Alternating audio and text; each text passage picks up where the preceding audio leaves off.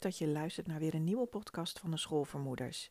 Vandaag wil ik het met je hebben over waarom we maar blijven denken dat we zoveel moeten doen en moeten bereiken.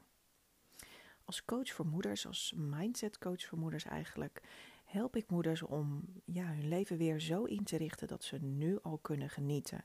En niet pas als uh, hun kind groter is bijvoorbeeld. Of niet pas als er iets anders in hun leven is gerealiseerd waarvan ze denken dat dat eerst moet gebeuren. En daarom sluit dit onderwerp ook zo heel mooi aan. Want wat zorgt er nou voor dat we continu maar in die tijd uh, bezig zijn met uitvoeren, met doen, met uh, to-do-lijstjes, met uh, ja, die voortdurende druk op alles wat er maar moet gebeuren, zeg maar. En wat zo zonde is, is dat dat eigenlijk, als we in die modus meegaan, wat soms natuurlijk ook niet anders kan, maar er is wel een andere manier om daarmee om te gaan. Maar wat er gebeurt als we daarin in mee blijven gaan, is dat we als een soort van zombie uh, onze dagen gaan vullen. We worden gewoon onbewust, we, voelen niet meer goed. Um, we gaan veel meer vanuit ons hoofd leven en we verliezen op dat moment gewoon eigenlijk wat contact met onszelf. En dat is heel erg zonde, omdat je daarmee eigenlijk ja, niet aan het leven bent. Je kunt het ook meer zien als een vorm van overleven, zo wordt het ook wel genoemd, omdat je je gewoon helemaal niet meer aan het voeden bent. Je bent alleen maar aan het doen wat er moet gebeuren. En natuurlijk heb je tussendoor momenten dat je geniet van je kind. Uh, als je mooie dingen bijvoorbeeld uh, geknutseld krijgt. Of dat je überhaupt iets geknutseld krijgt. Want als moeder hoeft het natuurlijk ook helemaal niet mooi te zijn. Je vindt alles mooi wat je krijgt. Um, maar ook bijvoorbeeld uh, je kind die gewoon heel lief aan het spelen is. Of als je ziet dat het lekker in zijn vel zit. Of nou ja, wat het maar voor jou mag zijn. Waarvan je echt merkt van joh, ja, dan voel ik me echt weer even leven.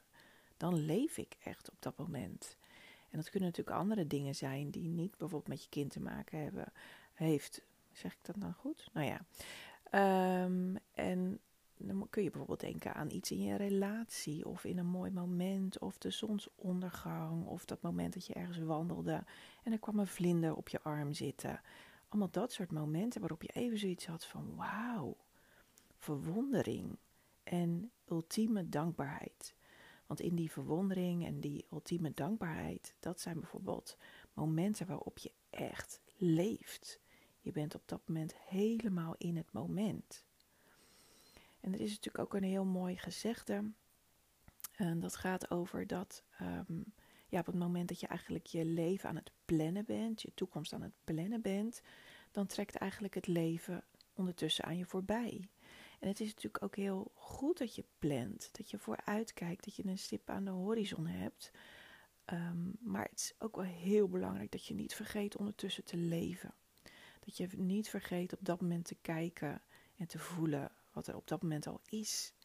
En elk moment komt niet meer terug. Dus ja, het is zo zonde. Om, tijd is eigenlijk je kostbaarste bezit, hè, als je het bezit kunt noemen. Dat, dat kan je op geen andere geen ene manier bijkopen of zo. Dat, je hebt de tijd die je hebt. En op het moment dat je daar bewust van bent, kun je misschien ook andere keuzes gaan maken. Kun je veel meer een energiemanagement gaan doen. Kun je veel beter gaan kijken van wat kost me nou energie, wat geeft me energie.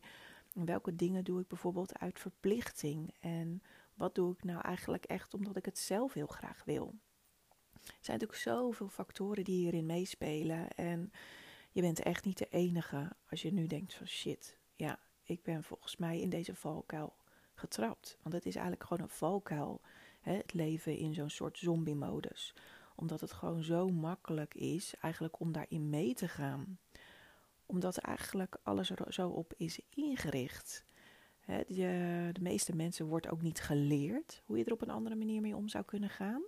we zitten heel erg vast in bepaalde systemen. Kijk maar naar het schoolsysteem, hoe dat werkt. Uh, ook hoe kinderen op veel scholen um, ja, veel meer leren op basis van de kennis die ze aangedragen krijgen en niet zozeer op de talenten die ze zelf hebben. En dat daarin een stukje ontwikkeling wordt gestimuleerd. Er ligt ook heel vaak natuurlijk de nadruk op wat er nog niet goed is. Daar wordt extra aandacht aan besteed. In plaats van juist extra aandacht besteden aan de dingen waar een kind juist wel goed is. Want Als iemand ergens nou goed in is, waarom zou je dan niet daar nog meer aandacht aan besteden, zodat het echt daarin uitblinkt, als het er plezier aan heeft? Hè? Dat is natuurlijk het belangrijkste. Dus er zijn zoveel systemen die er nu nog zijn, waar we nu mee te maken hebben, die het gewoon ook makkelijker maken om daarin mee te gaan. je wilt waarschijnlijk ook graag dat je kind uh, een goede opleiding heeft, zodat het zich later ook weer makkelijker kan redden. dat is natuurlijk vaak het gevoel wat we erbij hebben. je wil uh, dat het een goede toekomst heeft. En dat maakt het soms ook lastig om ja, keuzes voor jezelf te gaan maken. Je kunt het nu ook bijvoorbeeld heel goed zien met uh, alles rondom corona. ouders die hun kind wel laten testen, ouders die hun kind niet willen laten testen het is op dit moment ook heel erg belangrijk dat je echt in contact staat uh, met wat, wat jij belangrijk vindt en waar jij in gelooft en wat jij vertrouwt. En waar jij um, ja, keuzes kunt maken vanuit dat vertrouwen, zeg maar. En dat kan van alles zijn. Dat hoeft niet voor elke ouder hetzelfde te zijn. Het is echt heel erg belangrijk dat je dat niet doet vanwege uh, iets wat ja, een bepaald systeem waar je in terecht bent gekomen, maar, maar vanuit jezelf, vanuit je eigen keuze, van hoe jij ergens in staat. En dat is vaak een nieuwe manier van leven. Dat zijn we niet gewend. We zijn vaak gewend om op te volgen wat er moet gebeuren, wat er van ons gevraagd wordt. Het is niet voor niks dat we standaard uh, nu dan wat minder, maar verplicht naar verjaardagen toe gaan. Dat je verplicht naar die receptie toe gaat. Dat je verplicht uh, iemand gaat helpen omdat het nou eenmaal hoort. En ja, ik vind, maar dat is natuurlijk mijn mening, dat het uh, belangrijk is dat je iets doet vanuit de juiste intentie en niet omdat het verplicht is. Dus als jij iemand helpt, dan doe je niet omdat je je daartoe verplicht voelt, maar dan doe je dat omdat je onbaatzuchtig iemand echt gewoon heel graag wil helpen. En op dat moment help je iemand ook echt. Anders is jouw energie ook niet zuiver. Dan heb je eigenlijk een andere agenda. Dan doe je het vanuit verplichting. En dat is niet fair naar degene die je helpt. En dat is vaak heel lastig, want de persoon die je helpt zit misschien ook in dat systeem. Dus op het moment dat jij niet komt helpen en die persoon dat eigenlijk van jou verwacht, kan daar natuurlijk wat miscommunicatie in ontstaan. Dat kan gebeuren. Uh, maar iedereen heeft zijn eigen lessen te leren. Dus die persoon die dan misschien dat van jou verwacht, kan natuurlijk ook bij zichzelf te raden gaan. Van waarom verwacht ik dit? En heb ik goed gecommuniceerd uh, waarom dit voor mij belangrijk is dat die persoon mij helpt? Want ook daar ligt bijvoorbeeld um, ja, een belangrijk punt. Die persoon mag ook duidelijk communiceren uh, waarom hij of zij iets van jou verwacht. En dan nog steeds jou de vrije keuze laten om dat wel of niet te doen en dat te respecteren. En dat is moeilijk. Dat is moeilijk om echt volledig elkaar de ruimte te geven en erop te vertrouwen dat de keuze die jij of de ander maakt, dat die goed is. Gewoon goed is zoals die is. Maar dat zou het leven echt wel een heel stuk makkelijker maken. Als er niet allemaal van die ongeschreven regels zijn waar we ons toch vaak aan ja, blijven houden. Terwijl het juist zo belangrijk is dat we leren dat we op andere manieren met ons leven om mogen gaan en dat, dat onze energie en onze aandacht veel puurder en zuiverder is als we het vanuit de juiste intentie met elkaar delen. Als we vanuit de juiste intentie die tijd met elkaar delen. Maar goed, dat is weer even een zijspoor. We begonnen natuurlijk eigenlijk ermee met de vraag van hoe komt het toch dat we maar blijven denken dat we iets moeten doen en moeten bereiken. Hoe komt dat? Waar, waar komt dat nou vandaan? Nou, enerzijds natuurlijk door, het, de, door de maatschappij, door de systemen waar we in zitten. Maar anderzijds ook omdat we vaak denken in als dan. Dus als ik dit heb bereikt, dan voel ik mij gelukkig. Bijvoorbeeld als de kinderen groter zijn, dan heb ik tijd voor mezelf. Als ik meer geld verdien, dan ga ik iets voor mezelf doen als ik ehm, ben afgevallen, dan voel ik me weer mooi. Of als ik veel beter ga sporten, dan, of veel meer ga sporten, dan verdien ik die gezondheid waar ik zo naar verlang. Zo kun je dus allerlei dingen bedenken die bij jou er zijn ingeslopen.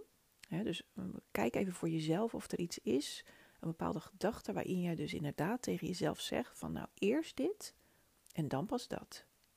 Dus kijk even of jij ook in die valstrik bent getrapt van dat als dan.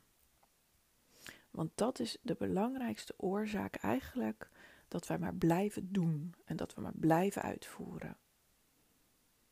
En het zou heel mooi zijn als je dat gaat ombuigen naar zijn. Dat je jezelf de ruimte kan geven om te gaan genieten van het leven. Niet straks, maar nu. Om met het leven te spelen, om uh, te experimenteren met wat wel of niet bij je past. Om jezelf te leren kennen.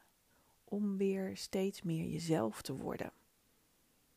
Want eigenlijk, zoals ik het dan zie, je bent geboren, je bent jezelf. Je wordt uh, groter, groter en je gaat jezelf steeds verder verliezen. Totdat je op een punt komt dat je jezelf weer wil terugvinden.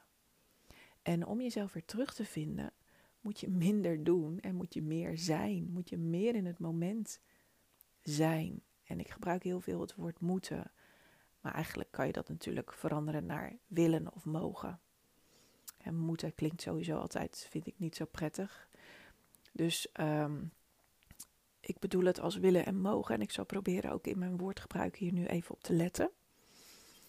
Dus op het moment dat je beseft dat het leven nu is en dat je je nu al zo kunt voelen zoals je je eigenlijk wilt voelen, hè, met die als dan, want je wilt een bepaald gevoel ervaren en volgens jou kan dat pas als er iets eerst bereikt is.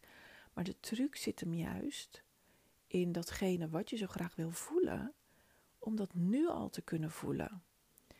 En dat zit vaak gewoon al in kleine dingen verweven in je dagelijkse bestaan.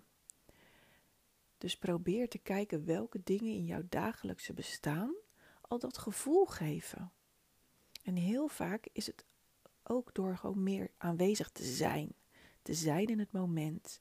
Je minder te laten leiden door allerlei dingen die uh, op je to-do-lijstje staan. En meer te gaan voelen. Voelen van wat, wat is op dit moment nu echt belangrijk? Waar wil ik mijn tijd en aandacht aan geven? En op dat moment ga je dus ook minder laten leiden door, dat, door die overtuiging dat je van alles moet doen en moet bereiken. En dit voelt misschien nu op dit moment nog een beetje vaag voor je. Het klinkt misschien heel mooi, maar dan heb je zoiets van ja, maar hoe dan? Ja, in eerste instantie is bewustwording natuurlijk altijd het belangrijkste. Op het moment dat jij merkt van ja, dit klinkt wel een beetje zoals, zoals mijn dagen zeg maar uitzien. En dat hoeft natuurlijk niet altijd zo te zijn. Maar hè, er kunnen zeker momenten zijn waarop je merkt van ja, dan val ik in die valkuil. Bewustwording is stap 1. En vanuit daar kun je verder gaan bouwen, kun je verder gaan onderzoeken en kun je je leven anders vorm gaan geven. Als je dat nou lastig vindt om dat zelf te doen, ik geef ook coaching aan moeders, zoals ik in het begin al vertelde. Dus je bent altijd welkom om bij mij uh, een coachingsgesprek aan te vragen. En dan ga ik je in deze uh, ontwikkeling, in deze groei verder helpen en begeleiden. Ik hoop dat je wat aan deze podcast hebt gehad. Laat het me gerust weten. Vind ik leuk om te horen. Ook als je er nog een vraag over hebt, kun je me altijd een mail sturen op eva.deschoolvoormoeders.nl of volg me op uh, Instagram. Instagram is het de School voor Moeders waar je me op kan vinden. Je kunt me ook altijd een DM sturen. Ik wens je heel veel succes en een fijne dag.